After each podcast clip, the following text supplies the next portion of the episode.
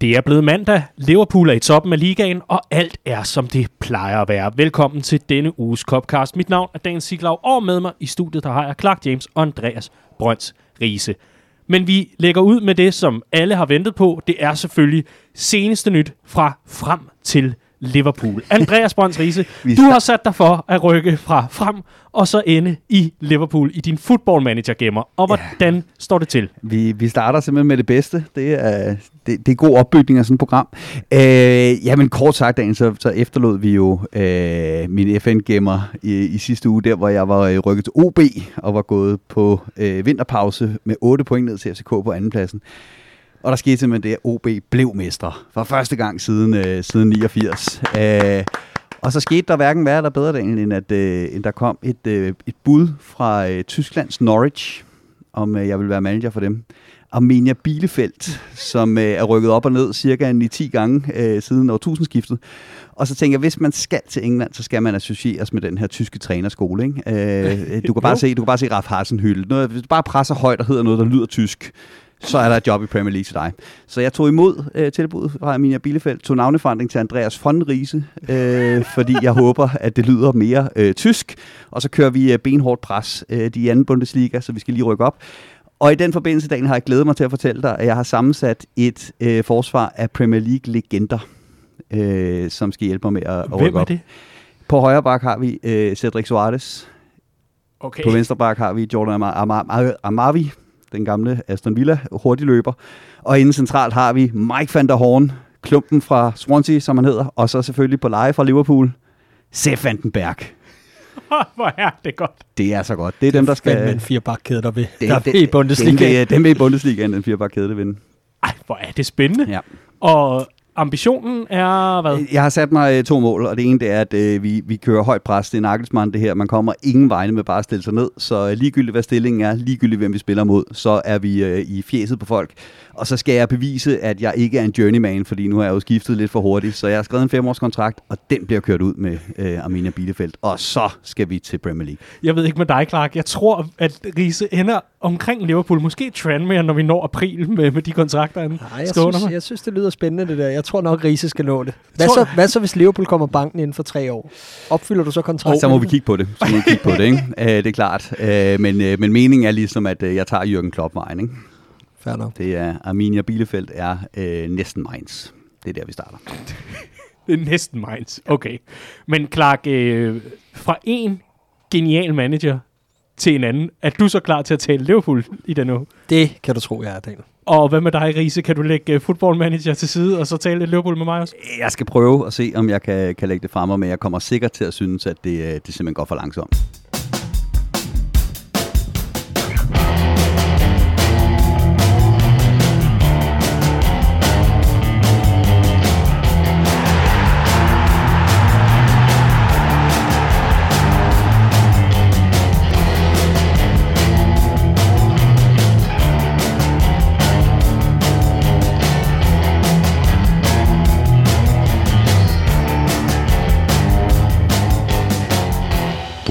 Fra næsten Mainz og så til Merseyside. Vi skal tale Liverpool, og vi skal tale Liverpool FC, som ligger i toppen af Premier League side om side med Chelsea FC, og dem vender vi tilbage til i slutningen af udsendelsen. Men vi åbner altså med et Liverpool, der har startet sæsonen med to sejre, to clean sheets, og så fik man altså endelig sin Premier League-kamp for fyldt Anfield. Clark, det her med at have propfyldt Anfield og Premier League tilbage, det må bare betyde lidt ekstra. Det kan jeg godt vende mig til. Skal vi ikke sige det sådan? Okay. øh, jeg synes, at det var, øh, det var fremragende at, øh, at opleve hele den sådan, opbygning, der var til opgøret. Det der med, at man står op på en kampdag og kan mærke stemningen, så man ikke er der. Det synes jeg virkelig var noget, jeg havde savnet. Og jeg var sådan med alle de der promovideoer og sådan noget fra morgenstunden. Jeg var, sådan, jeg var virkelig, virkelig i kampmode øh, på en anden måde, end jeg har været det sidste års tid.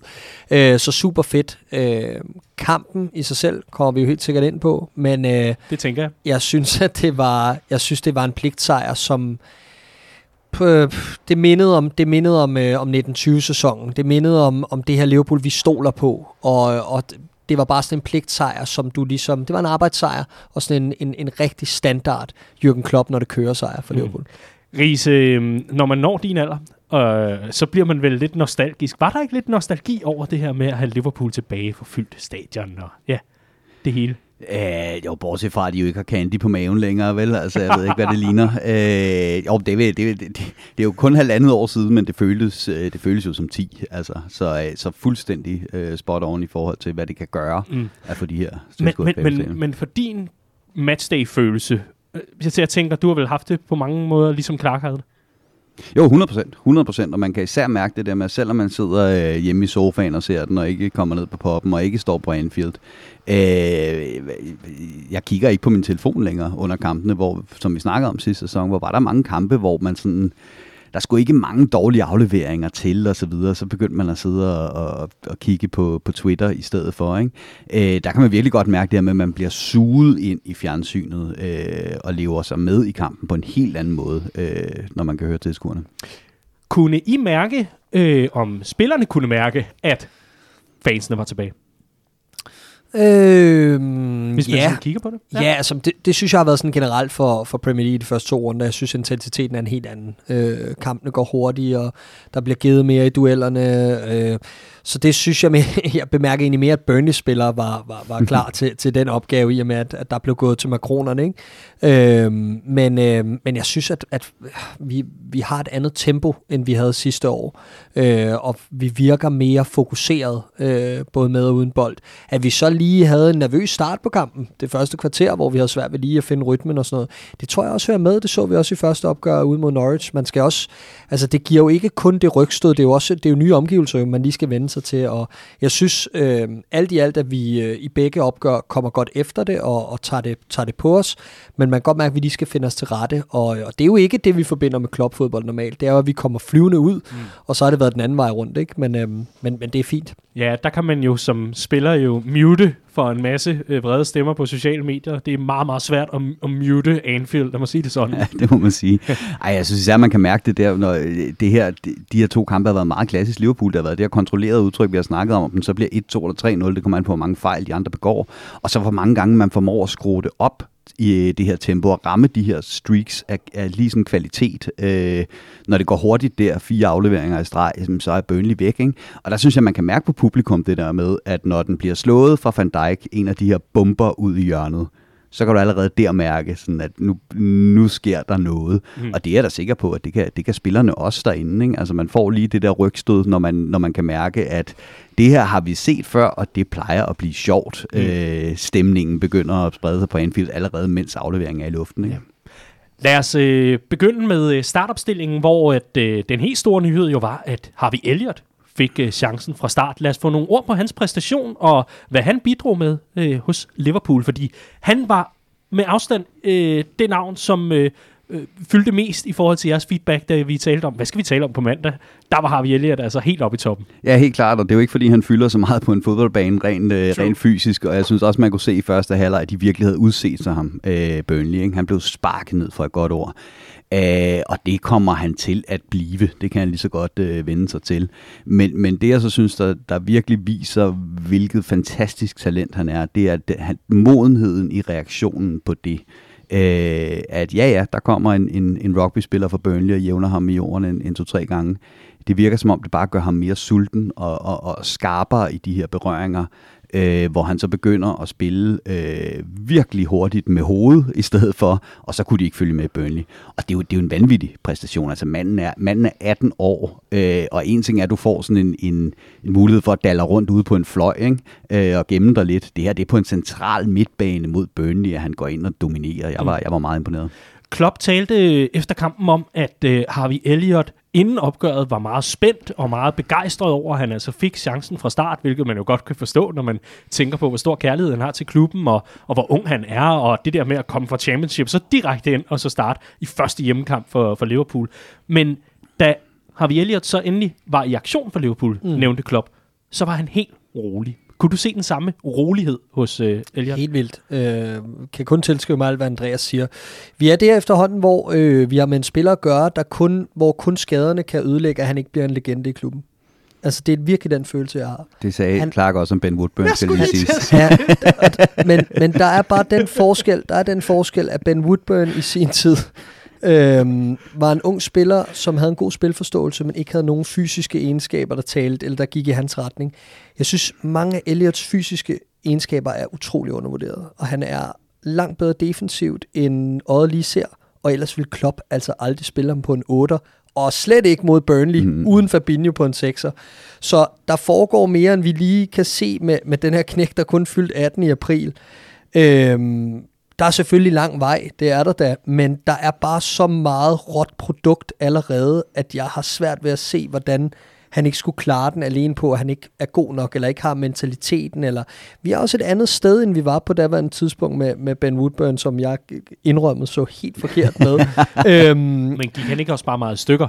Var det ikke også øh, Nej, hans det, det, jo, på hans, på hans udlån gjorde han, men der var skaden vel allerede sket, var den ikke det? Jeg tror, der skete et mentalt knæk hos Ben Woodburn, og det kunne selvfølgelig også potentielt ske, så har vi Elliot banker lige under bordet her. Men øhm, men jeg synes bare, der er så meget at bygge på. Jeg synes, han mm. kan rigtig, rigtig meget. En ting er, at han er, han er en, en type, vi mangler nu her. Altså, der har været så meget snak om Coutinho, og hvordan vi afløser ham, og øh, det ene og det andet. Her der får vi bare nogle af de egenskaber kombineret med noget af det andet, som vi også søger i vores midtbanespil. Jeg synes, det er en utrolig lovende pakke, og så mm. er han bare hurtigere, end, end, end folk lige tror. Jeg mm. tror altså stadig, at han er en mulighed for tid til anden på den kant.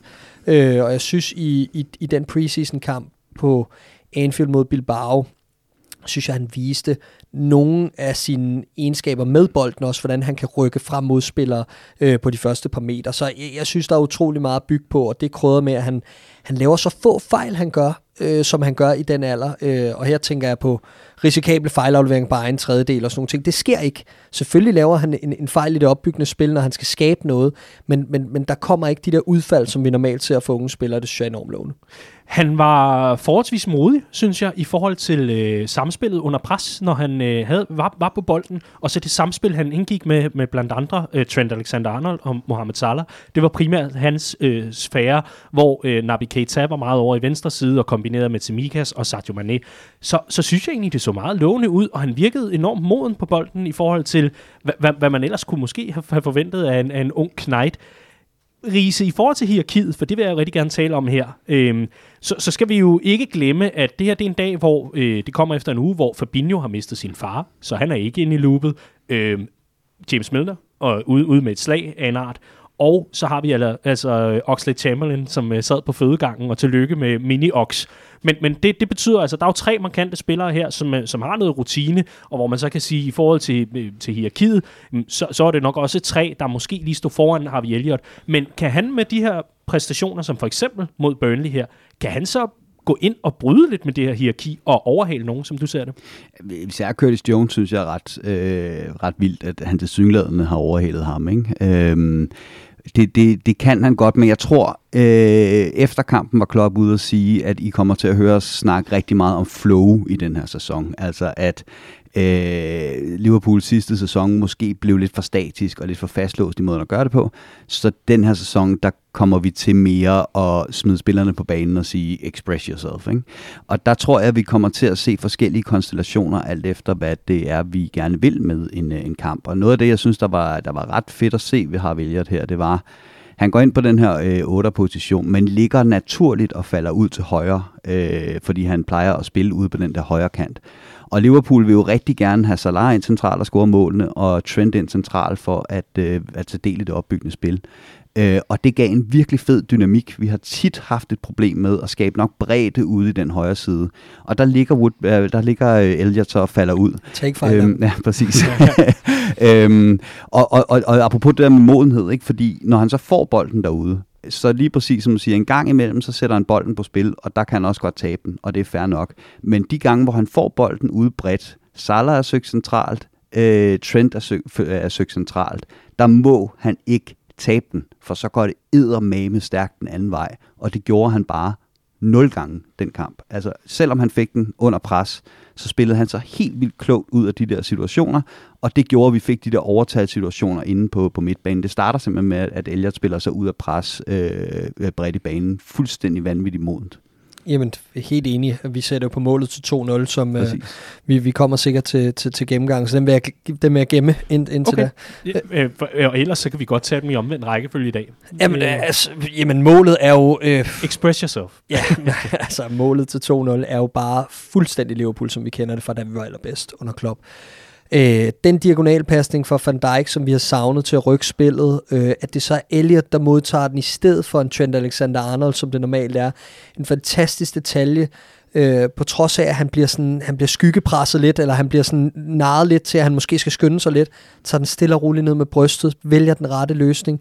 Trent Alexander-Arnold, vi ser, hvad det er, vi formentlig kan forvente, hvis vi en dag ser ham på midtbanen, at der kommer flere af de her cheek passes ind mellem linjerne, og så er det jo bare, det er jo skakmat jo, fordi vi tvinger dem til, at vi tvinger Ben Mee, tror jeg det er, til at skubbe op i situationen. Jeg tror, det er Tarkovski. Tarkovski ja, er, ja. til at trække op i situationen, øh, hvor han ikke kan gøre andet, fordi bliver han stående inden centralt, mm. jamen, så hugger Trent bare på kassen. Øh, så vi sætter dem sådan lidt i en to mod en situation der, hvor, hvor det bare er skakmat, ja. og så ryger den ind til Mané, som endelig rammer bolden lige i røven, ikke? Og, og laver en fantastisk afslutning. Ja, og, og, og et glimrende mål. Ja, fantastisk mål. Og, og også lidt interessant, fordi det er jo lidt øh, part to af, af den mulighed, som øh, Trent Alexander-Arnold jo også sender ind ja, til Sadio Mane det tidligere i, i, i første halvleg, hvor, hvor han så rammer den på skinnebenet, Præcis. lader det til, og så Præcis. flyver den over. Men, men jeg, jeg, vil, jeg vil bare lige tilføje omkring Elliot. Altså, jeg, jeg er virkelig imponeret over, at øh, vi snakker om alle de afbud, der har været, og, og det er også rigtigt, og Fabinho var ude, og Miller var skadet, Oxlade Chamberlain var også ude af, af personlige årsager og alt det her, men det er stadig spillere som Thiago, han holder ude på bænken. Altså, så kan man sige, at han vendte senere tilbage til preseason. Det gjorde Jordan Henderson også. Han spillede også kampen. Altså, der skal alligevel noget til, og dertil skal vi så også bare lige tage med, at det er altså ikke ham, der bliver pillet ud. Det er Naby Keita, en spiller 52 millioner pund, der bliver revet ud på, på, på et tidspunkt i kampen, hvor det havde været meget passende at sige til Elliot, nå, tak for i dag, øh, få din øh, standing ovation, og så, øh, så var det ellers det, en flot øh, full debut på hjemmebane og alt det her, men det gør vi ikke, og han blev bedre og bedre, som kampen skred frem. Og det jeg er allermest imponeret over ved ham, nu vi snakker ro og modenhed i starten, det er hans måde at indgå i kombinationerne på. Det er det, der virkelig giver mig kriller i maven. Det er det her, når vi spiller allerhurtigst, så er han allerbedst. Mm. Når, det, når det går one touch første gang og sådan noget, han panikker ikke, han, øh, han laver ikke fejl på den måde. Han havde en situation, der ærgede mig big time lige inden målet, hvor han får bolden retvendt i en 10'er positioner, hvor jeg tænkte, okay, vi kunne ikke bede om noget mere. Han har alle offensivspillerne foran sig, og straffer han den forkerte beslutning. Men det giver kun noget at bygge på. Så mm. det er, jeg synes, det er enormt spændende med det projekt mm. der. Fra en kultspiller til en anden. I hvert fald fra, fra en meget, meget ung og dygtig mand, øh, og så til en kultspiller måske snarere. Vi skal tale om Kostas Temigas, som øh, vi, vi alle tre sad og talte om øh, efter kampen, hvor vi indgik i sådan en, skal, skal vi lave den karaktergivning den her gang inde på redmondfamily.dk? Og det gjorde vi så i, i fællesskab.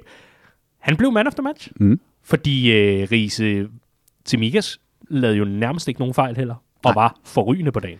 Han var fuldstændig forrygende, og, og vi sad efter øh, debuten, altså åbningskampen, og sagde, at der havde været mange af de her lige ved næsten aktioner fra ham. Ikke? Man havde været med til at sætte øh, sætte forsvar under pres, Norris forsvar under pres, men den ikke lige var nået frem til en rød. Øh, den var blevet halvafvist eller et eller andet, så var den faldet ned for en Liverpool-spiller, og så lægger man ikke helt lige så meget mærke til, at det kommer ude fra, øh, fra ham. Men som vi også sagde, det, det er en af dem, der skal, der skal gå ind. Altså han har en afslutning i den første kamp, øh, som skal gå ind, øh, sindssygt godt redder målmanden, så er det en anden snak, vi har om ham. Eller det er et af de her indlæg, der skal ligge i hovedet på en rød, så er det en anden snak, vi har om ham. Øh, og det var så det, der skete i den her kamp. Øh, det, er jo, det er jo stadigvæk øh, early days, alt det her, og, og det er helt klart også en kamp, der er god for Tamikas, fordi der er så meget af spillet, der foregår fremad i banen for, for Liverpool. Jeg vil stadig gerne se, hvordan han gør det, når, når, når Liverpools bagkæde bliver presset flad, og han ligesom skal stå og, og holde øje med løb omkring sig, øh, skal til at orientere sig bagud. Øh, det er ikke det, han normalt har sin forsvar i spillet. Øh, men, men det tager jo ikke noget fra, at, at i den her kamp, øh, hvor, hvor det skal gå fremad, der er det, der er det fuldstændig øh, en, en vanvittig god præstation af ham. Og Timikas vinder jo folkets gunst i øh, særlig en situation, Clark, hvor jeg tror, du øh, udråbte ham som øh, Greek Scouser efterfølgende, eller hvad? Ja, det er jo hans, jeg, jeg tror, det er hans eget hashtag, er det ikke det? Det går sådan lidt rundt omkring. øh, ja, der er en situation til sidst i kampen, hvor han, øh, han, er, han er jo sådan lidt en kaosspiller, ikke? Øh, han flyver lidt rundt, og, og har lige trukket et frispark, hvor han har fået træl over, og så dribler han sig sådan lidt ind i nogle problemer igen lige bagefter, hvor han vælger at lægge sig oven på bolden, og får ikke et frispark, og han har to bønnespillere ovenpå sig, og på en eller anden mærkelig måde, så kommer der en tredje Burnley-spiller over også, men han får kæmpet sig ud af det og snublet sig på benene med bolden, lagt den hjem til Van Dijk til kæmpe bifald fra Anfield. Bliver så hævet ud kort tid efter over på den anden side og må gå hele vejen rundt om Anfield, det tror jeg, han, eller hele vejen rundt om The Cup, tror jeg, han var rigtig glad for, øh, fordi han fik en kæmpe, en kæmpe klapsalve med på mm. vejen, og det mm. virkede han ganske tilfreds med. Og det er jo sådan nogle aktioner, du vinder publikum på Anfield med. Altså når du er sådan lidt en skæv eksistens, og måske ikke er... Øh, øh, den mest talentfulde spiller på holdet, så er det sådan nogle situationer. Vi husker alle sammen Andy Robertsons øh, enmandspres mod Manchester City mm, i sin mm. tid. Det klip, der kørte rundt efterfølgende, og det bifald, der fulgte med fra Anfield. Det er bare sådan noget, man husker i Liverpool, og det er sådan noget, der gør, at du cementerer dig og, og, og sørger for, at du har et navn. Vi snakkede om i sidste uge, at de her, de her øh, kampe, der kommer nu for Timikas. Nu kommer der formentlig ikke flere lige, lige forløbig. Øh, men det, det er med til at afgøre, øh, hvorvidt han er sådan en, vi skipper videre efter sæsonen, fordi det var bare ikke godt nok, eller han er sådan en, vi godt kunne beholde indtil han selv vil videre, fordi han skal spille fast. Øh, og jeg tror efterhånden allerede godt, vi kan konstatere, at vi har set nok til, at han i hvert fald er klar til næste skridt, som er, at han kan gardere for Robbo i efteråret, og folk faktisk stoler på ham. Mm. Øh, jeg synes, det var rigtig, rigtig lovende, det vi så mod Norwich, på trods af, at folk virker en lille smule usikre over ham. Det kan jeg godt forstå. Han er kaotisk, men han har også brug for kamptræning for at blive bedre. Den fik han så mm. mod Norwich, og så leverer han det her ovenpå med en fremragende assist selvfølgelig til, til Diogo Jotas mål. Jeg synes, det var en ja. suveræn performance. Og skulle angiveligt være aftageren fra øh, Dejan Lovren i forhold til at være Salas bedste ven. Okay. den, det, den er god nok, simpelthen. De virker øh, personlighedsmæssigt også utrolig ens jo, så det... Øh, ja. det jeg, jeg synes, Salah ser mere frisk ud måske, men, men det kan være... At... og jeg tænkte Lovren og Timikas. Oh, okay. ja. jeg, jeg synes, men, det er øh, meget tydeligt at mærke, at han er en populær figur i ja. omklædningsrummet. Det har også været beskrevet i, af diverse Liverpool-journalister tidligere, men jeg synes, det er meget tydelige jubelscener og sådan. Den måde, de behandler ham på, altså det her med, at Milner går hen og skriger ham ind i hovedet og sådan. Altså, du skal jo... Jamen, du, øh, og Van Dijk det samme i første runde. Det gør de jo ikke for at nedgøre. Det gør mm. de jo for at bygge op, og det må de jo gøre, fordi de også stoler på, at han kan tage det, mm. altså han bliver mm. bedre af det. Ikke? Så der er en eller anden tillid øh, begge veje. Jeg synes, han er pisse sej. Altså også fordi, at han, han ligner jo noget, der er løgn, ikke? Altså for helvede. Altså han ligner jo en, der ikke har sovet i, jeg ved ikke hvor lang tid. Men øh, har kæft, altså der, der er et eller andet over ham. Jeg det, det er jo sjovt, ikke? Det er jo Ox, der kommer tilbage for at være blevet far nu, og det er alligevel til Mikas, der river prisen for at være... For at se mest træt ud. Ja, præcis. Fuldstændig. præcis. Nej, men, men lad os lige snakke om den her sidste, ikke? fordi at jeg synes egentlig også, at den er, øh, den er teknisk ganske sublim. Ikke? Altså fordi han stopper bolden, triller den lige frem med fodsålen, og så ser han, det er jo, det er jo ikke en stor target, men han bare skal slå den ind imod. Det er Shota, der tager løbet fuldstændig knivskarpt ind for en mand, der er meget højere end ham, og så ligger den knivskarpt lige der, hvor den skal ligge. Altså lige på millimeteren simpelthen. Øhm, og, og det er en lidt anden måde, altså nu, nu har vi meget snak om, at de, de er ens øh, Robbo og Timika, så det er derfor, vi har købt ham, fordi han er sådan mere en-til-en erstatning, øh, end, end når vi har haft Milner dernede. Fordi han kan så meget fremad i banen, så mangler han måske lidt det defensive, hvor Robbo er bedre. Men Robbo er jo mere sådan en, der kommer i fuld firespring, så bliver bolden slået ud i det område, og så, så, så, så jorder han til den første gang. Ikke? Mm. Øh, med det der, det der sving på, der gør, den rigtig farlig og ubehagelig for, for, for forsvaret. Men det virker ikke altid som om, at, at der er adresse på den. Altså det, det er mere noget med at få losset den ind i, i mixeren, ikke, som man siger. Mm. Øh, det der, det var, det, var, det var altså overblik af ret høj klasse. Ja, og det løb fra Shota. Ja, men oh, høre, my lord. Liverpools næst mest profilerede målscorer i historien, Diogo Shota, med et, et målsnit, der jo, er, der jo er helt deroppe for hans første 32 kampe, men øh, helt vild placeringsevne. Altså, man må slet ikke underkende det lille step, han tager ind foran forsvarsspiller i den situation. Det er hverken tilfældigt, det er heller ikke heldigt. Det, det er, er, det er heller ikke bare godt, det er decideret verdensklasse. Ja. Det er fantastisk lavet. Så timingen i det hele er også bare øh, vidunderlig, og øh, det hele gik op i en høj enhed. Så altså... Øh, lag, lag I mærke til Ben efter scoringen? Ja, ja han var ja. tosset. Han tager sig selv ja, til hovedet, ja. og så er bare, nej, ja. det skete ikke det der. Og Tarkovski står ved siden af bare, ja. you idiot. Ja, altså, præcis. Som bare det gør og gokke i alene hjemme. Ikke? Og der er en ret fed situation, hvor uh, det ikke på et hjørnespark eller frispark eller andet, hvor at, ja. uh, at uh, Shota og Ben Mee også er lidt i infight. Øh, og det ender med, at Shota man losser til ham, mere eller mindre ja. på, på, på baglåret. Ikke? Ja. Og det er det, jeg synes, der er så fedt ved Shota, det der med, at, at han er jo ikke en stor spiller, der kommer til at dominere et felt på den måde, men, men han er fandme ikke bange for de der forsvarsspillere og han er inde i hovedet på dem. Han er altså, shithouse. Jamen, han er shithouse. Mm. Men det gør også, at når han så lige pludselig dukker op foran en Ben Mee der, ikke, mm. så står han også bare og tænker, han fik mig. Altså, mm. det, var, det, var, det, var, det, var ikke, det var ikke sådan et, øh, et, et lucky punch og en spiller, jeg ellers har ja. fået domineret fysisk og, og sådan. Altså, det, han, han, han, Der han ikke, dominerer en, en, de der, det der centerforsvar. ja, det er, ja, Ja, nå, det, var, det var bare lige for at gribe min, min, min lille reference til Shota som profileret målscorer før. Det, er jo, det, altså, det, var, det var selvfølgelig med, med hensyn til, at han nu har scoret i snit et mål hvert 127 minut for Liverpool mm. i sine første 32 kampe. 15 mål i 32 optrædener. Og det er faktisk selvfølgelig en, en, en lille øh, datasample, kan man sige, i forhold til dem, han er, han er øh, sammenlignet med, eller dem, han ligger side om side med her.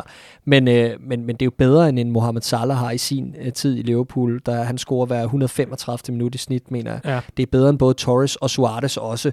Øh, så altså, det, det, det er gået lidt under radaren, hvor stor en målscore det egentlig er, vi har fået ind her. Jeg synes virkelig, han klæder os, og han giver os nogle andre redskaber at, at benytte offensivt. Apropos det der med at komme sent hjem fra landsholdet, øh, og hvor lang tid kan man øh, gemme sig bag den forklaring i forhold til, at man ikke er i aktion endnu. Vi var lige forbi det med øh, Henderson og Thiago. Men her i forhold til den øh, offensive trio, der har vi jo en Firmino, der er på bænken. Ja. Er Shota øh, foran ham i køen nu? Nå, men øh, jeg tænkte faktisk også, da vi havde samtalen før med, Ja. med Elliot og så videre, øh, at, at det var også en, han vandt pladsen foran, for vi kunne godt have stillet de fire forreste til sådan en kamp her. Mm. Altså, øh, og ja, det synes jeg da, han er. Altså, han har set skarp ud her for sæsonstart, men prøv at der bliver plads til dem begge to, det er der ingen tvivl om. Øh, tværtimod, så, så kunne vi godt bruge en mere, øh, som jeg ser det op foran, fordi der kommer rigtig mange kampe, og der kommer rigtig mange varianter øh, af kampe, og det er fint, at vi har to så forskellige typer til at ligge i den rolle, og også kan rykke lidt rundt. Øh, men jeg må bare sige, som vi også snakkede om øh, forleden, at øh, Shota bliver mere og mere for mig nier, end han er en, en mulighed til kanterne. Der skal vi simpelthen have en, en, en mere rendyrket hurtigløber. Ja, snittet berettiger jo til, at han kan spille den 9. Jamen, han skal ligge i boksen. Ja. Og jeg synes også, han viste glimrende linkerplay i den her kamp, i øvrigt fra sin position som nier. det, det gjorde han også, og netop det der med, at vi har, har snakket om, i stedet for at prøve at gøre ham til en, en der kan det samme som Firmino, øh, som Klopp siger, flow, ikke? Spil, på, spil med de redskaber, vi nu engang har på diverse positioner. Der er han ved at blive meget mere sådan en boksangriber for, for Liverpool med sine egne redskaber. Øh, kan selvfølgelig også det, det andet i, i link-up-spillet. Øh, men altså, jeg, tror, nu har vi været tvunget ud i nogle rotationer på midtbanen og så videre. Jeg tror sådan set stadigvæk, at forklaringen er, at Firmino kom, kom sent tilbage til, til preseason. Øh, så når, når alle tre leverer i åbningskampen op foran, og Firmino stadigvæk ikke er på 100%, så kan jeg ikke se, hvorfor han skulle gå ind og tage den, den plads, øh, mindre det var, øh, som jeg var inde på sidste uge, på grund af fysikken. Ikke? Mm så, så altså, der kommer til at blive roteret op foran i den her øh, sæson. Det ikke gør der, men jeg er mega spændt på at se, hvem det er, der starter i de største kampe, hvis vi har alle mand klar. Det er virkelig, fordi jeg kan sagtens forstå, at vi har brug for Firminos robusthed øh, til i presspillet og aftag, du ved, kø- køre øh, den anden vej også. Men jeg synes bare, at Shota også besidder det der, og så samtidig så har vi bare set hans topniveau fra den position der. Altså, vi snakkede første gang om det sidste år øh, i udkamp mod Atalanta, hvor han netop hat og var fuldstændig fabelagtig i den 9. position der, ikke? Øhm, og, og det var jo ikke noget tilfælde, altså, så der er kun noget at bygge på, og især med de rette midtbanespillere øh, til, at, til at supporte ham også. Mm. Vi går fra en, øh, en flyvende offensiv trio til en øh, bagkæde, der har holdt øh, nullet to kampe i streg. Og det er altså med to, der virkelig blev ramt af nogle, øh, nogle grove skader i øh, Joel Matip og øh, Virgil van Dijk. Og øh, Clark, øh, du har jo simpelthen nomineret vores centerback duo til øh, en, en lille uofficiel pris. Og hvad er det for en pris, de er nomineret til hos dig? Øh, jamen, ja, jeg synes, at de er, når de er bedst, synes jeg, at de er øhm, verdens bedste duo, simpelthen. Godt så. Ja. Du må sætte nogle ord på, hvorfor at de er verdens bedste så. Det, er- eller i hvert fald verdens bedste til at spille de to centerbacks, som vi skal bruge. Øh, og det er to centerbacks, Ej, nu, nu er det ligesom moren, der sådan, du er den verdens bedste søn, jeg kunne tænke mig.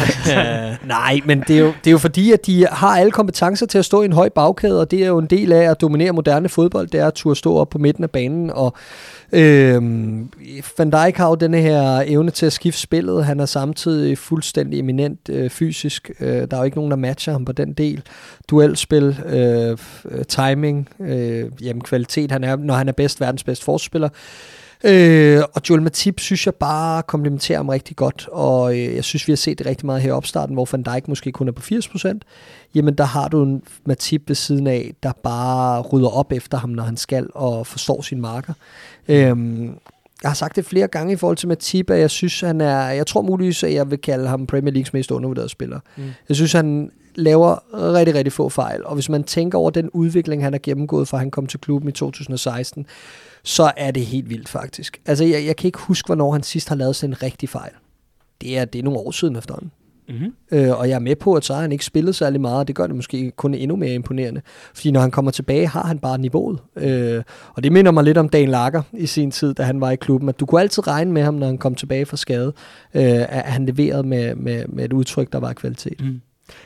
Tager jeg meget fejl, eller øh, var han den ubestridte vinder i forhold til øh, vundne dueller i, øh, i luften? Jeg tror, han, han rev sådan en, en otte stykker eller sådan noget. Og, ja. og otte, otte vundne dueller i, i luftspillet, og det er altså mod Burnley.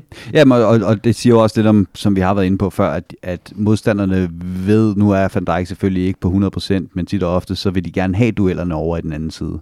Øh, så når de så slår de lange bolde, så er det ofte ikke efter det område, hvor Van Dijk øh, ligger. Øh, og og der, er, der er Matip ganske rigtig øh, rimelig undervurderet i den del af, af spillet. Øh, har også bygget noget, øh, synes jeg, man kan se noget muskelkraft på, øh, hvor han i starten, øh, hvis, hvis modstanderen kom på kroppen af ham, så kunne man godt presse ham til at være for meget ude af balance, når han skulle hætte til den bold. Der synes jeg virkelig, der er sket noget mm. i hans spil. Og så er det, det fascinerende ved ham, det er jo de der, altså fuldstændig klassisk, at når han kommer i nogle af dem der, hvor han lige får en tog på, eller lige en fod på, eller et eller andet, så tænker man, uh, det var lastigt det der. Uha, det ser ikke kontrolleret ud. Det er jo fordi, han har så lange ben, at han i det hele taget når den. Mm. Altså alle andre forsvarsspillere, der ville bolden bare være suset forbi deres fod. Ikke? så, så ser det ikke så ukontrolleret ud, for de rører aldrig bolden. Øh, og det synes jeg er, er fascinerende at se men, Matip altid. Enig. Og, og, bare for lige at klargøre, altså de, de har begge to duelspillet. De to, de har begge to hurtigheden til at stå i en høj bagkæde. De har begge to tekniske kompetencer. Van Dijk øh, giver sig selv med de lange pasninger og alt det der. Og Matip har evnen til at drive bolden gå op gennem kæderne, spille bolden flat op gennem kæderne, drible op gennem kæderne. Altså, jeg synes bare, at det er så komplet et markerpar, og vi har også flere øh, andre i truppen, der kan noget af det, Matip kan. Jeg synes bare, han er bedst til det lige nu. Jeg synes, han er bedre end Joe Gomez. Øh, når man ser over, sådan, over tid, der synes jeg, han er mere stabil. Stadigvæk. Gomez stadig ung og så videre. Og så har vi øh, Konaté, som jeg synes ligner ham, der skal erstatte Matip øh, på den lange bane, har mange af de samme kompetencer, ham glæder mig også ja, til at se. Altså, mm. Så er der altså også sket et eller andet med Matip i den der. Har I set det der billede af ham som ungdomsspiller? Øh, ja. hvor han, han ligner simpelthen en, der lige har røget den største joint. Øh, er, er sådan fuldstændig sådan, og det er også sådan, han er som person, sådan lidt... Øh, øh, lidt flyvsk, eller hvad man skal lidt sige, ikke lidt toget i det, men, men det er ligesom om, der også er sket det med ham, at, at, at han virker som en person, der er for flink til at synes, at han er rigtig god øh, hvis I forstår, hvad jeg mener. Ikke? Altså sådan lidt for ydmyg i virkeligheden. Og lidt ligesom, lidt at, ligesom dig. Ja, præcis. Ja. præcis. Uh, det er så... Nej. øhm, det, men, men ligesom vi snakkede om med Jordan Henderson, at der ligesom skete et eller andet omkring der, hvor Liverpool vandt Champions League. Ikke? Altså der var nogle af de her spillere, der ligesom voksede og sagde, okay, men jeg, jeg er faktisk en af verdens bedste fodboldspillere, mm. og det er sgu fedt nok at, at være fed. Altså, det er det da. Mm. Øh, og det, det, det, der synes jeg også, at man kan se på sådan en som Matip, da han kom, kom til fra, fra Schalke. Han har altid været et stort talent, og han er høj, og han er okay hurtig, og sådan, øh, har selvfølgelig været eftertragtet på sine fysiske attributter osv. Nu virker han også som en, der godt ved, at han er en god fodboldspiller og viser det. Enig. Og så er det jo klassisk også at sidde her og fremhæve dem som de bedste nogensinde, lige inden vi skal møde Chelsea på lørdag. Så det, oh, ja, ja, ja, ja. det bliver jo en kæmpe test. Mm. Ingen tvivl om det. Men øh, jeg synes et eller andet sted, vi lige skal se nærmere på øh, Liverpools bagkæderise, fordi øh, det er jo ikke givet, at man som Liverpool starter sæsonen så stærkt for, øh, defensivt. Øh, og, og normalt så skal ting lige spilles ind, eller hvordan?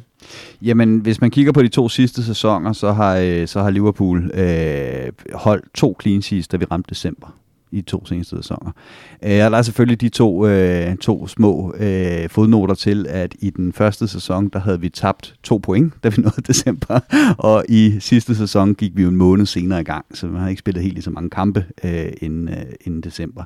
Men ikke desto mindre, så synes jeg, der plejer, vi plejer at starte sæsonen med det her rimelig kontrollerede udtryk, men det virker også især på midtbanen så ofte som om, at der lige er noget, der helt skal falde på plads i forhold til presset. Især sidste år sad vi og snakkede om, at det virkede som om, der var hul på midtbanen lidt for ofte, og så gik der helt hul på den, da vi ramte den der 7-2 mod, øh, mod Aston Villa.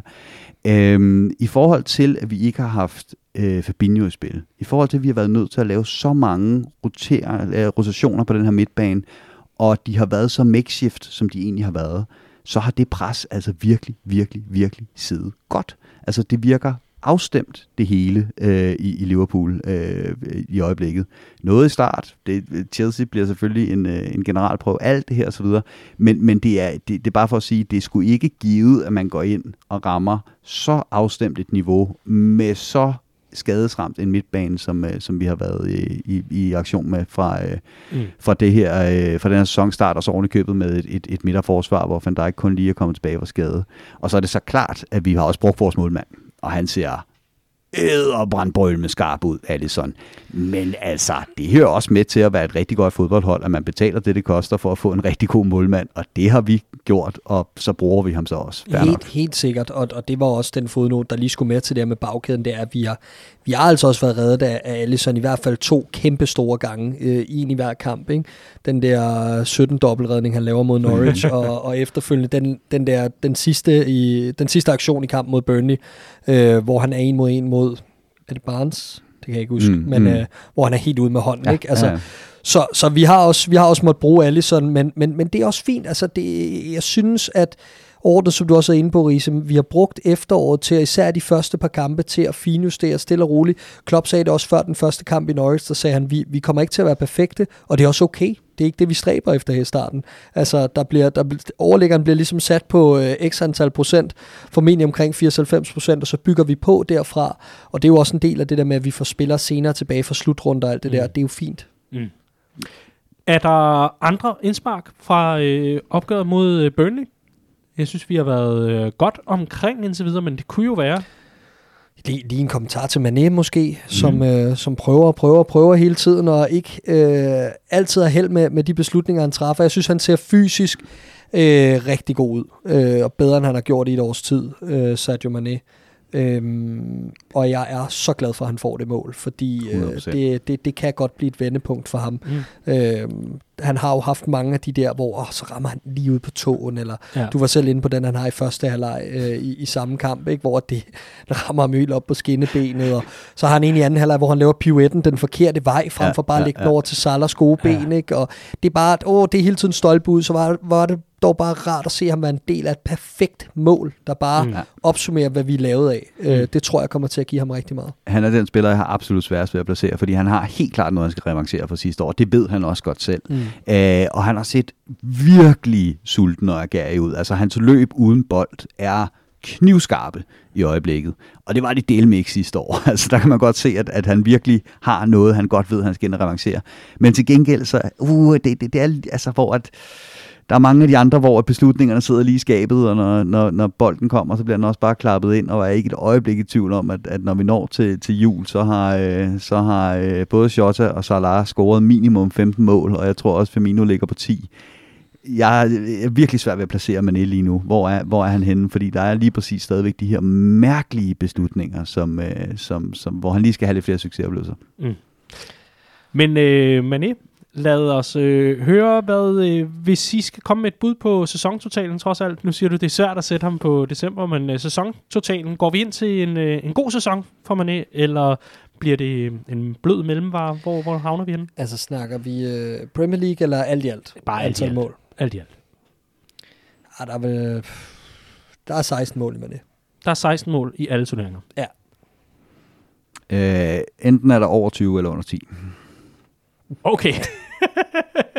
Et sted mellem 3 sekunder og 40 år, ikke? Præcis. Præcis. Godt så. Men jeg har også været meget syg. så er vi nået til Bella og Birdie, hvor vi skal øh, se nærmere på øh, det gode og det dårlige, der er sket i øh, den forgangne uge. Og vi starter selvfølgelig med det bedre, det sure, det ærgerlige. Vi starter med Birdie. Clark, har du lyst til at fortælle os andre, hvad du har taget med i den her uge? Det kan jeg godt, Daniel. Jeg har taget den birdie med, at vi må mangle endnu en vigtig spiller af tragiske årsager, nemlig Fabinho, der har jo mistet sin far. Det er jo der går sådan lidt, lidt bølger igennem fra sidste sæson, da, da det samme skete for Allison, og, øh, og det er jo tragisk i sig selv. Øh, og så, øh, ja, så, så tror jeg bare, at, at jeg, jeg er ved at være godt og grundigt træt af, at øh, corona og alle mulige sådan, omstændigheder, vi ikke rigtig kan gøre noget ved, øh, hele tiden spolerer vores rytme.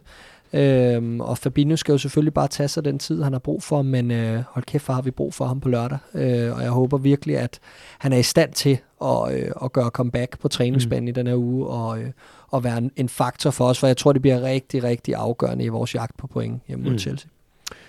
Riese, din birdie i den her uge? Øh, men jeg synes også, man skal grave øh, forholdsvis dybt igen i den her uge, øh, fordi der er selvfølgelig øh, en, en tragisk nyhed om, om Fabinhos far, og ellers så er, er det sgu svært ikke? at finde, øh, finde noget, der for alvor er, er at sætte fingeren på som er negativt. Så jeg har valgt at tage en, der udelukkende har til formål at provokere Clark. Øhm, oh, nej. Og det er, øh, jeg har simpelthen valgt en bird, der hedder øh, Thiago, øh, den spanske Joe Cole, øh, som, øh, som kommer, nej, som kommer, kommer ind her. Øh, har haft en opstart, hvor at, at de, de har snakket meget om, at han har nogle fysiske ting, der skulle gøres noget ved hen over sommerferien, og det bliver en langsom start fra ham osv øh, bliver fravalgt til en, øh, til en kamp, øh, er selvfølgelig overhovedet ikke på 100% til fordel for en, øh, for en 18-årig. Øh, og da han kommer ind, der synes jeg godt nok, at det lignede, at der er noget tid endnu, til vi ser Thiago i fulde omdrejninger. Det er selvfølgelig kort tid, kampen er vundet, alt det her, øh, men, men ikke, ikke et imponerende indhop. Og det bunder jo i alt det her allermest i, at jeg bare gerne snart vil se den mm. mand i fuld fire spring, fuldstændig spillet ind, og spille sig helt ud på et, øh, på et Liverpool-hold, så vi endelig kan få at se, hvad det er, han kan give os, når han virkelig er med og virkelig er spillet ind. Ja. Glimmerne birdies fra jer begge giver meget, meget god mening. Vi skal øh, høre fra et par lyttere, hvor at øh, familien står for skud. Og det er altså ikke øh, Redman Family, men deres egne. Jesper Seman Poulsen, en birdie, der hedder, at en lortefamilie planlægger fødselsdag på kampdag næste weekend, har firmaet så arrangeret 40 års jubilæum. Hvad fanden er det for noget? At Chelsea er på førstepladsen på grund af alfabetet. Ej, den er også fremragende. den, den, den kan altså noget, Jesper. Tak for den. Den, øh, den er forrygende.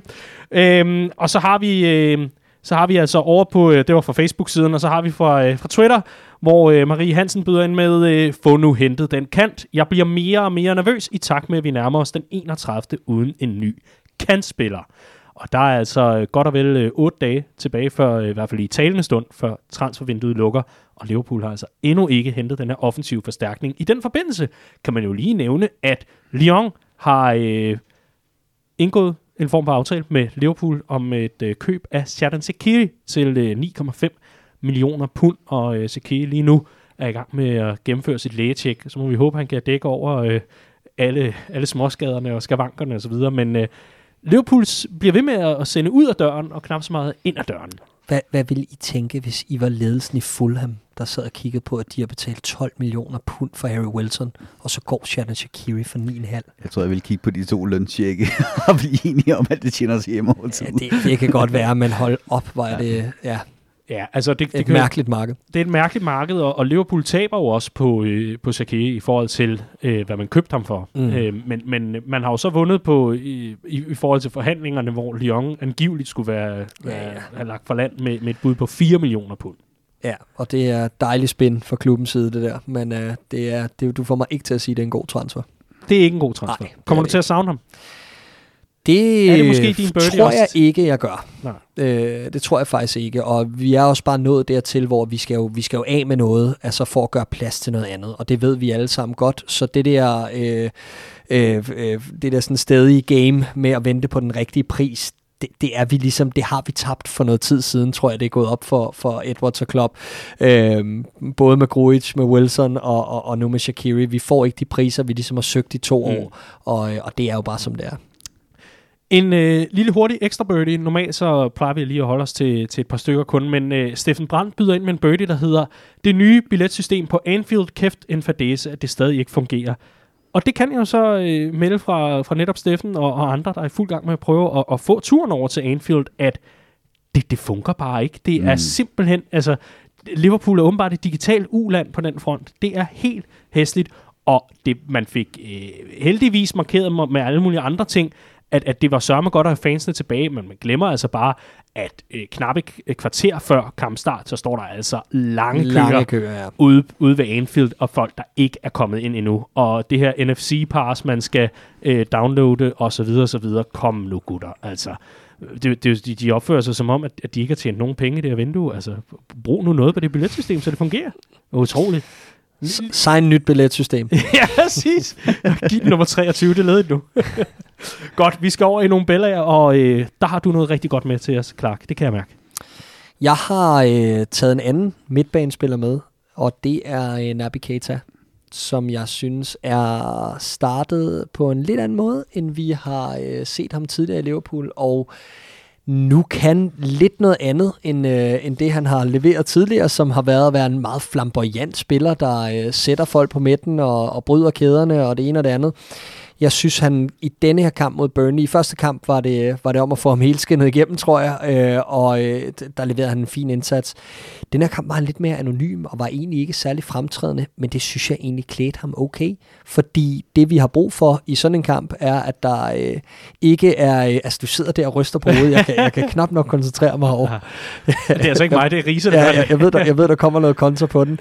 Øhm, der var selvfølgelig noget med balancen, der var lidt over fire spil, øh, to, så, øh, så ja, hvad siger man, fremadrettede typer som Elliot og Keita foran en, en, en Henderson uden kamptræning og alt det her, det skulle de lige vende sig til, især i første halvleg. Men ellers så synes jeg egentlig, at han gled fint med i anden halvleg og blev meget det, som vi har set Gini Wijnaldum være for Liverpool, nemlig et balancepunkt på midten, og, øh, og det synes jeg egentlig klæder ham, at han også kan det.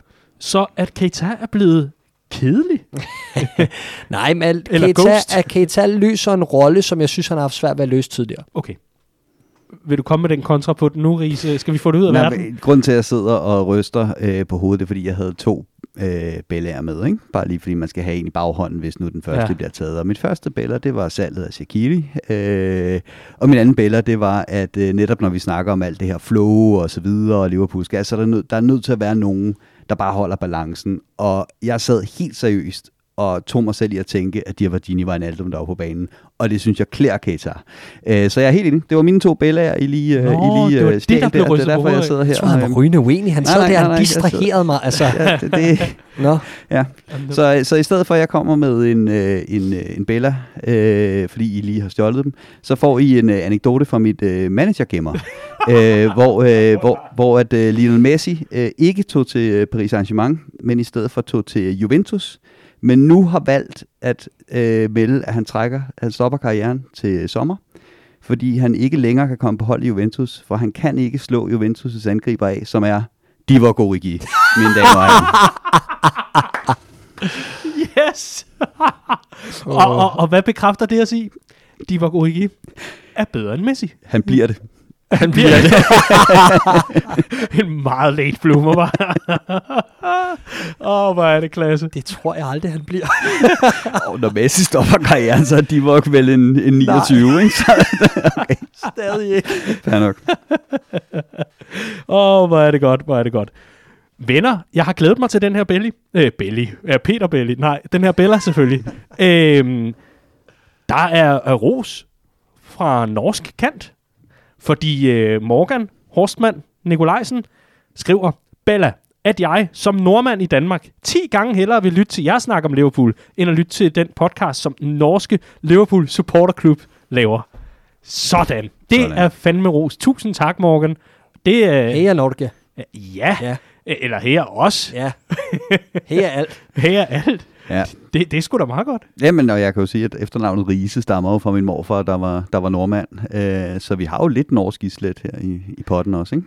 Har, jeg vil, skal vi lave en lille pulje, hvor vi finder ud af, om der er, altså om John Arne og Andreas Brøns, De kom fra samme område, men så vidt vides ingen direkte der, øh, linje. var, var din øh, morfar, var det din morfar? Ja. ja. Var han postbud? Øh, det, fordi man tager jo gerne, gerne postbudets navn. det, er, det er klart. Ja, øhm, nej, nej, han, øh, øh, øh, ja, ja. Vi Og- tager, vi tager op og laver en, en, en rapportage i fire dele Ja, om Rises legacy. Ja, det, jeg kan ikke den dag. altså som jeg plejer at sige, vi har det til fælles, vi har, altså, vi er nogenlunde lige gode med venstre ben, jeg er bare højre benet, ikke? Det er fandme godt, Riese. Kæft, det er skidt. Men øh, tak, Morgan, for, øh, for den Bella. Den er vi øh, rigtig, rigtig glade for. Og øh, så... Ja. Jeg, jeg, har fuldstændig glemt lige at nævne noget. Jeg, jeg, jeg havde faktisk skrevet det ned, og nu glemte jeg at nævne det. Lag I mærke til, hvem der kom ind på bakken til sidst i kampen?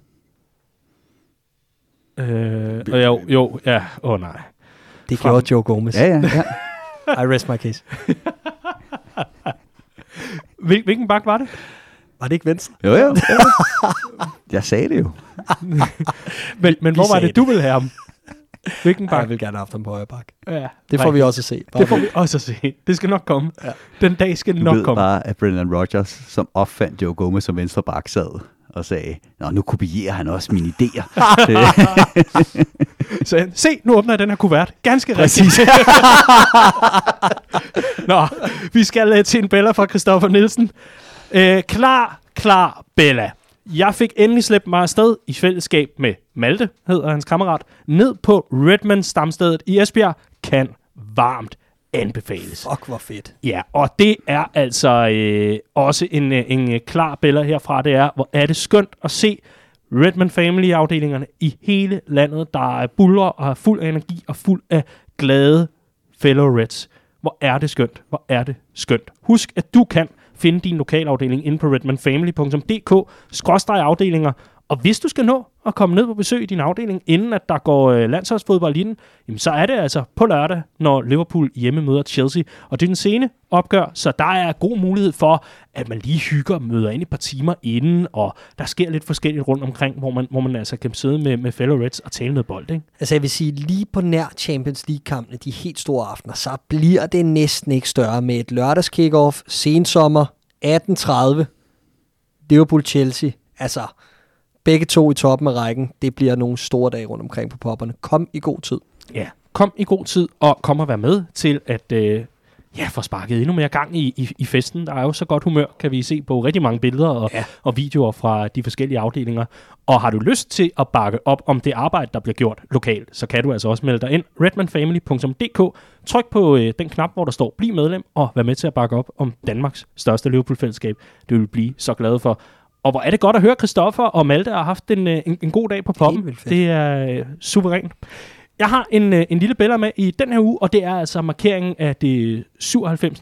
offer for Hillsborough, øh, Andrew Devine, som øh, blev mindet forud for øh, opgøret mod Burnley. Det er ikke noget, vi har glemt, men øh, det bliver selvfølgelig nævnt her, fordi hvor er det smukt, hvor er det rørende, og hvor er det stærkt markeret, og hvor er det også godt at se, at klubben har, øh, har, virkelig, øh, har virkelig taget det til sig, den feedback, der er kommet. Spørgsmålet er, om de ikke selv havde gjort det af egen fri vilje, men alle de her initiativer og, og forandringer, der skal ske, både i forhold til at få Andrews navn på øh, mindetavlen nede ved øh, Hillsborough Memorial, som er nede ved Anfield, øhm, også at få ændret 96 Avenue til 97 Avenue, og så også at man selvfølgelig øh, fra den, øh, den kommende sæson med de trøjer, der er, får øh, 97 i nakken med Eternal Flames osv. Det er bare rigtig, rigtig rart at se, at vi stadigvæk holder fast og øh, stadigvæk husker, at øh, det er en stor del af klubbens historie, også selvom at det er et mørkt og sørgeligt kapitel, så er det en fantastisk markering og øh, en rørende en rørende stund for rigtig mange mennesker. Helt sikkert. Hvor er det, hvor er det stort, hvor er det stærkt. Liverpool FC, what a club, man. What a club. Gutter, det var Bella og Birdie. Skal vi øh, hoppe til noget optakt mod Chelsea? Lad os gøre det. Lad os gøre det. Var der nogen af jer, der så øh, fodbold søndag aften? Ja. Ja. ja. Så I øh, Arsenal mod Chelsea?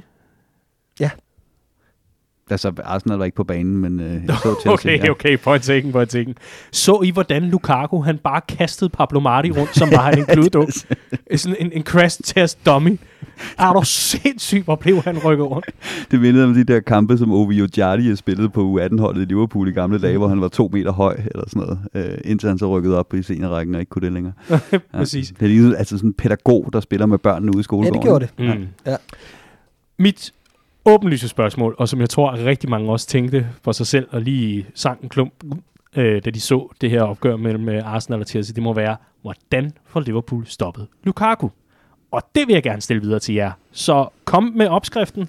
Hvor mange tiskefulde øh, Virgil van Dijk skal man bruge, og øh, skal man tilsætte noget Matip? Hvad, hvad, hvad skal der ske? Jamen, det starter et helt andet sted. Altså for det første, så er Liverpool ikke Arsenal, og thank God for that. Øhm, for det andet, så, øh, er vi, øh, så har vi en midtbane. Uanset om vi har otte afbud, så har vi stadig en midtbane, og vi har en struktur og en, et udtryk, som vi stoler på. Og det kommer man bare rigtig, rigtig langt med. Noget af det første Klopp, han lærte det her fodboldhold, det var, at når vi mødte hold, der havde store profiler, så sørgede vi for at, øh, at blokere øh, afleveringsmulighederne til de her nøglespillere for de andre hold. Husker han engang sagde det med, øh, der var snak om, hvorfor Aguero aldrig præsterede på Anfield, og så snakkede han om det her med, at jeg tror det var i den nytårskamp, hvor vi slår dem 1-0 nytårsaften, hvor Aguero nærmest ikke rør bolden, øh, og hvor Liverpool var i en helt anden forfatning end nu jo. Mm men man valgte simpelthen at stå sammen omkring at blokere de øh, kanaler ned til Aguero, både at spille ham op i fødderne og så. Og jeg tror sjældent, jeg har set et større magtværk, et, en, en større portion lort, end det Arsenal de leverede i første halvleg i forhold til at blokere bolde op til Lukaku. Han fik dem både øh, flat i fødderne, dybt i banen, han fik dem op i feltet, han fik lov at bakke ind i det lille felt, hvis han havde lyst. Han gjorde lige præcis, hvad der passer ham, og havde han haft 10% mere skarphed, så havde han lavet 3 eller 4 mål. Øh, så altså, det, det er regel nummer et. Få blokeret nogle af de afleveringsmuligheder derop. Og så har vi også bare, som du selv er inde på, dagen, et helt, en helt anden ballast nede i bagkæden, når det endelig kommer dertil. Øh, Bernd Leno står, står egentlig godt i går og redder i flere situationer øh, Arsenal. Så, så der har vi jo også en, en mand på, på stregen, der kan det. Men allerede før der, Matip, Van Dijk, vi var inde på det tidligere, kæmpe ros til dem begge to hvad niveau de så er på fysisk, det bliver spændende mm. at se, fordi det er jo den helt store test, den her kamp. Og, øh, og det, er det, det er der, hvor jeg har en lille smule usikkerhed i forhold til, hvordan vi tæmmer, om vi kan tæmme en, en mm. Lukaku mm. i den form, han er i. Men jeg synes, vi er noget bedre rustet end Arsenal. Der figurerede nemlig sådan en, en uh, lille compilation-video på de sociale medier uh, efter uh, Arsenal mod Chelsea, hvor øh, det er jo sådan en lille compilation af Virgil van Dijk, der fik øh, manhandlet øh, Romelu Lukaku for de gange, de, er, de har mødt hinanden i, i Premier League-sammenhæng. Og øh, så mit spørgsmål jo her videre til dig, Riese. Kan Virgil van Dijk øh, fortsat være dørmanden fra himlen, hvis han kun er på de her 80-90 procent, som man må regne med, han er lige nu? Altså, det er, jo, det er i hvert fald nu, vi får øh, et svar på, et forløbigt svar på, hvor Virgil van Dijk han står henne. Øh, og vi har jo set det i de foregående sæsoner også, det her med, at Liverpool kommer ind til den første store kamp i efteråret, og øh, har gjort det fint og har vundet de sejre, der nu engang skulle vindes, men, men hvor man også sidder lidt med den der følelse, jamen er vi der helt? Og så har Liverpool altså bare med at dukke op til de her øh, kampe i, i efteråret, øh, når de helt store øh, hold kommer på besøg. Mm. Øhm, så, så det håber jeg, men, men som, som Clark også siger, jeg tror det er Marcel Smelter, øh, gamle venstreback i Dortmund, der har udtalt, at han var så glad, hver gang de skulle møde Barcelona, fordi Klopp gjorde det meget klart for sit hold, at der er ikke én mand, der stopper Messi. Det gør holdet. Øh, så, så, så, øh, så, øh, så, så det er klart, at, øh, at, at vi spiller meget mand-mand-spil. Øh, det gør vi, men, men der er også lagt en plan for både, hvordan man skal afskære øh, linjerne til Lukaku, øh, men også, hvordan man får skabt nok opbakning mm. øh, til at håndtere ham. Øh, en ting er så at have en plan, en anden ting er at få den til at lykkes selvfølgelig. Ja, fordi man, man, man kan jo sige, det er jo en meget god start ikke at være Arsenal. Det er det på mange måder her i livet, ikke at være Arsenal. Det er, det er et godt udgangspunkt generelt, hvis man gerne vil have lidt optur. Men, men øh, noget andet er, at øh, hvis man prøver at vende den om, så er det jo altså et, et propfyldt Anfield. Det er et mm. Anfield, der lige skulle tilbage og, og mærke badevandstemperaturen, som var, var på i store dele af kampen mod Burnley, og, og som også, øh, det der med, at man, man, man, man lige skal finde jargonen og, og, og, og rytmen og lyden og så videre, men det er jo også et Anfield, der ved, hvornår det er Burnley hjemme, og den her, den skal vi nok øh, drive hjem i sikkert, især efter en 2 og hvor man så kan læne sig tilbage. Noget andet er, når det er the big occasion, altså den store, øh, store kamp her. Er det øh, i forhold til, øh, til Klopps udgangspunkt her, Clark, er det ikke også noget, der spiller ind? Altså, ud over fansene selvfølgelig, men at nu er man på hjemmebane, og man har alle forudsætninger for at gå ud og vise, at sidste sæson, som Riese så ofte har kaldt den, it was a fluke, nu er vi her tilbage. Det er det rigtige Liverpool FC. Jo, øh, helt sikkert. Øh, jeg, men jeg tror også, vi skal passe på med, at øhm, det er jo ofte, at de her kampe, når man bygger dem op på den måde, så ender 0-0. Ikke? øh, men men øh, så, så jeg tror også, der er en bevidsthed for begge klubber om, at på det her tidspunkt i sæsonen, der bliver intet afgjort. Mm. Altså det, så, så det handler også om ikke at øh, få en ordentlig snitter fordi man går op og satser for stort. Øh, det, vil også, det vil koste, især for et hold som os, som vi har snakket så meget om, mistet hele denne her, det her vindergen sidste år der er det rigtig, rigtig vigtigt, at vi får den her solide, stabile start, som vi har fået indtil nu, og det er vigtigt, at vi ikke går ind og taber 3-0 hjemme til Chelsea nu, fordi så, så begynder der at komme risser i lakken. Ikke? Og jeg tror, at Chelsea sidder med samme følelse der med, at alt det, de har opbygget det her halve år øh, under Tuchel, de her næsten syv måneder, han har været i spidsen, Champions League-titel, Supercup og så Nu skal der bygges næste skridt på. Øh, det gør man ikke ved at gå ind og tabe 3-0 på Anfield. Altså, så jeg, jeg tror, det bliver, det bliver en interessant øh, indledning på kampen. Hvem tør satse mest og alt det her. Og så er der en, der er en nøgleduel hen over midtbanen, synes jeg også. Fordi hvem mm. er det, vi kommer til at kunne mønstre på dagen? Mm. Som jeg sagde tidligere, Fabinho, super vigtigt, at vi har ham med. Men ellers, hvad tør vi stille med for at dæmme op for den her tomands midtbane ja. i, i, i Jorginho og Kanté, som vi må forvente spiller? Ja, fordi det, det blev det oplagte spørgsmål. Nu har vi set uh, Chelsea her i, uh, i, i begyndelsen af, af, af sæsonen egentlig ganske komfortabelt komme, komme fint fra land og, og gøre det, de skulle gøre. Men, men, men der må jo være huller i osten, Riese. Der må være steder, vi kan straffe dem. Det er der må der. være noget, hvor Tuchel trods alt ikke er Mr. Altså worldwide og bare kan det hele. Ja, men jeg tror, at nøgleduellen, den alt overskydende nøgleduel for mig, den bliver på bænken. Altså, jeg synes, når Klopp og Tuchel møder hinanden, det slår gnister. Øh, og da, da han var manager nede i PSG, og vi mødte dem der, der, øh, der, der vinder vi jo på Anfield, og Klopp får ørerne i den taktiske maskine nede i Paris. Altså, den stod 2-0, inden Klopp havde fundet ud af, hvilken formation de spillede. Øh, så, så det bliver ret spændende at se, hvad de to managers tør over for hinanden, for de kender også bare hinanden på fingerspidserne. Ikke? Der, hvor jeg synes, at, øh, at, at, at, at Chelsea kan snakkes med, lad os lige være ærlige først og fremmest at sige, at det er et ret godt fodboldhold. Ikke? Øhm, selvfølgelig er det det, og de er, de er flyvende. Øhm, jeg synes, at, øh, at, at Salah ser ustyrligt skarp ud. Altså virkelig, virkelig i tanke og handling. Øh, og jeg synes, at hvis man skal pege på et svagt punkt på, øh, på Chelsea's hold, så synes jeg, at Antonio Rüdiger er en stor klump af en forsvarsspiller. Øh, han er også hurtig nok og så videre, men han tænker ikke nødvendigvis særlig hurtigt fodbold. Øh, og han er sådan en, der, øh, der kan, altså, øh, kasketten kan ryge fuldstændig af, hvis, hvis tingene går ham imod. Så hvis vi kommer ned og spiller, spiller hurtigt ned i det, i det højre øh, halvrum, øh, hvor, som han dækker, så, så det er helt klart også, at jeg ser nogle muligheder for Liverpool. Jamen, jeg vil sige hele bagkæden. Altså, øh, kan vi vinde det overtal på midten der, så er vi rigtig godt med. Øh, altså kan, kan vi, øh, og vi er ikke i overtal, fordi Chelsea har kan til, han tæller for to. Men øh, men kan vi komme mand-mand med den bagkæde der? Altså Aspilicueta i den anden side. Øh, jeg ved godt, at Mané har ikke altid haft tur i den og sådan men vi ser skarpe ud, også i de omstillinger i forhold til at træffe de rigtige beslutninger.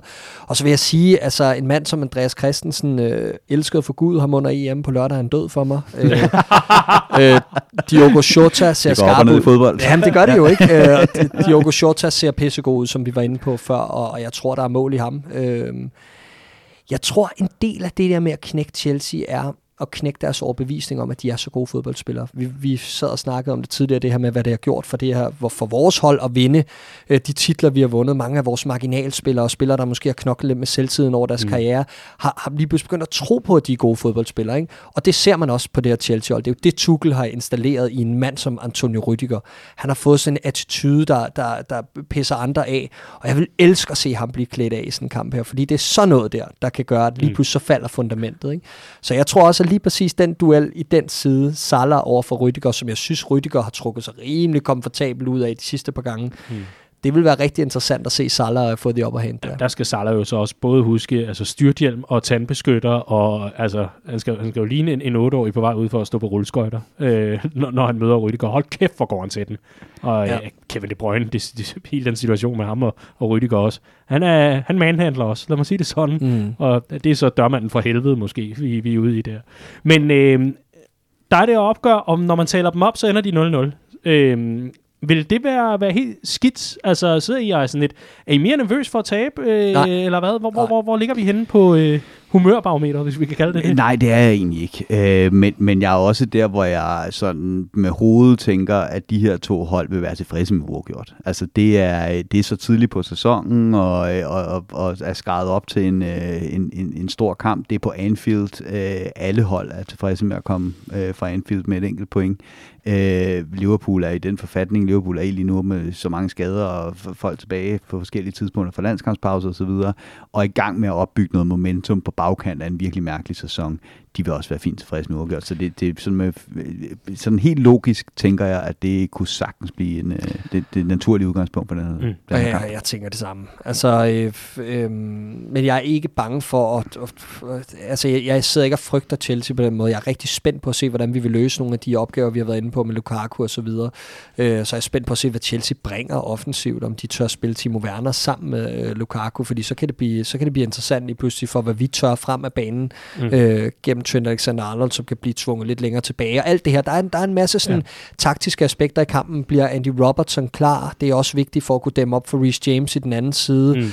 Øh, alle sådan nogle ting her. Men, men jeg synes, det er en lidt sjov følelse at sidde med det der med, at øh, vi møder det der Europas bedste hold lige nu. Det synes jeg, de er. Øh, og alligevel er jeg ikke rigtig bange for dem det fortæller også lidt om, hvordan vi er kommet ind til den her sæson, hvordan vi, vi ligner mere os selv, også at man kan mærke den power, vi har, og man, man tænker lige så snart man tænker på den kamp, yes, vi har Anfield, ikke? Altså, det har bare været så fremmed en følelse i så lang mm. tid. Så altså, jeg, jeg er sygt spændt på på lørdag, og jeg tror, at den hælder mere til Liverpool, end gør til Chelsea, alene fordi vi lever så meget på adrenalin og energi lige nu. Mm.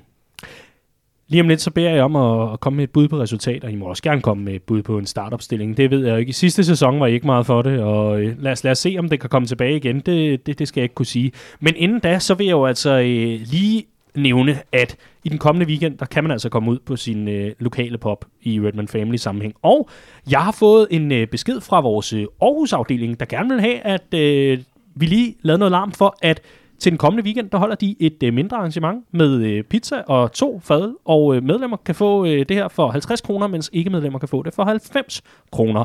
Og det er altså vores øh, Aarhus-afdeling, som øh, jo knap og nap øh, er kommet i gang, og så kom corona og så videre, og nu er de altså godt op at køre. Old Irish Pop i Aarhus, som man skal komme ned på, hvis man er øh, i og omkring øh, byernes by i det østjyske.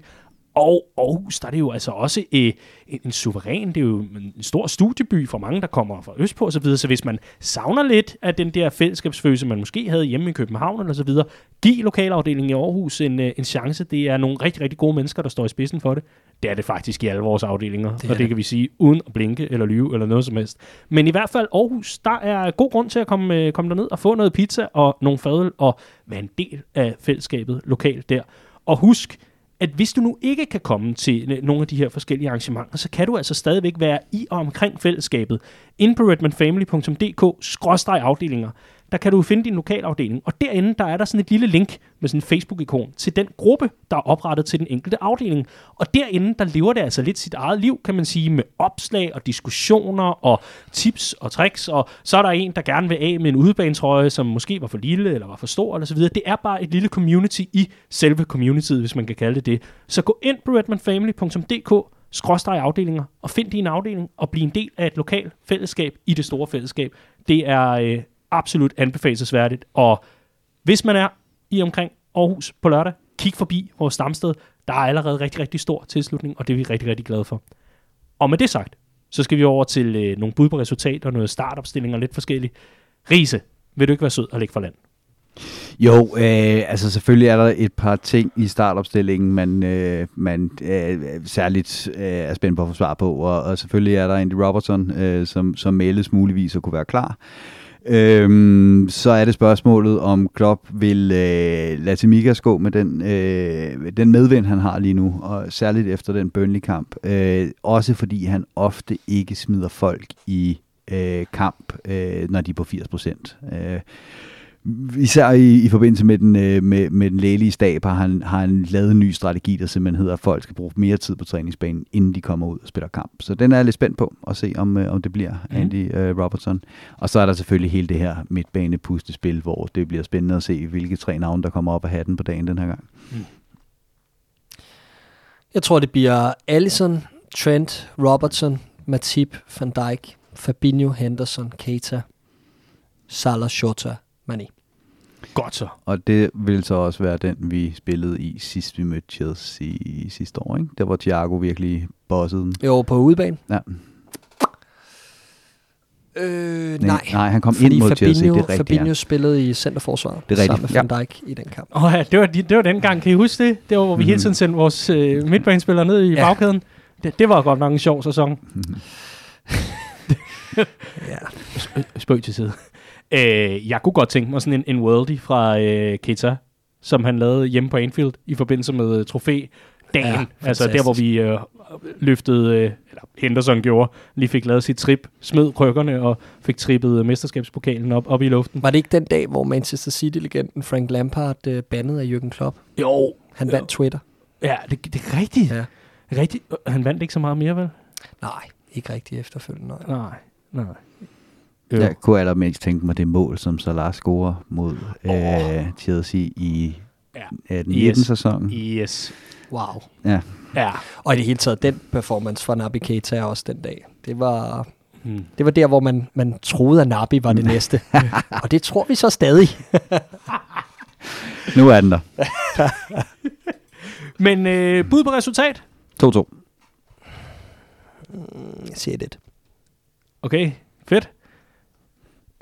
Der, der er overhovedet ikke noget sejr til Liverpool her. Nej, jeg tror, det vil, det vil være fint med Nå, det. men det, det er bare fordi, jeg skal PCR-testes på, på, på torsdag, og så skal jeg faktisk overse den på Men det Anfield. er rigtigt, ja. Du Ja. skal afsted. Ja, det skal jeg faktisk. Nå. Jeg, jeg giver dig fire mål, altså slap dig af. Ja, men skulle da til Liverpool, jeg gider da ikke glo på det der. Okay, så 4-0. Det, Okay, men i det mindste... Hold kæft, det brag, I får derovre, mand. Ah, det bliver godt. Ej, jeg har allerede skrevet til Peter på Hotel Anfield og sagt, du kan godt gøre et par buckets klar med nogle bajer i. Ja, vi skal over have det sjovt. Det bliver... Hvad så? Nå, men ikke noget. Du så og ryster på nej, men- hovedet. Nej, men jeg siger, det er godt klart, ikke? Altså, jeg siger tillykke med det. hvor, hvorfor slår du? ja, jeg er heller ikke misundelig overhovedet. Nej. Nå, det var godt. Tusind tak, fordi I bakker op om, når jeg skal over og se Liverpool. Idiot. Således opløftet. tak fordi, at I var med. Tak for denne gang, gutter. Det var en øh, udsøgt fornøjelse at lave Copcast endnu en gang med. Og øh, I må altså lige have mig undskyld, hvis jeg kommer er lidt slatten øh, Ja. næste mandag, fordi det er bare fordi, jeg skal over til Liverpool mod Chelsea på Anfield. Ja, så. god tur, Daniel. Tak, tak. Mit navn er Dan Sigler, og med mig i studiet, og nu bliver der ret fuck og alt muligt. Okay, jeg skynder mig bare lukke ned. Øh, Clark Idiot James og Andreas Idiot Riese. Tusind tak for nu. Mit navn er Dan Sigler. Det her, det var Copcast.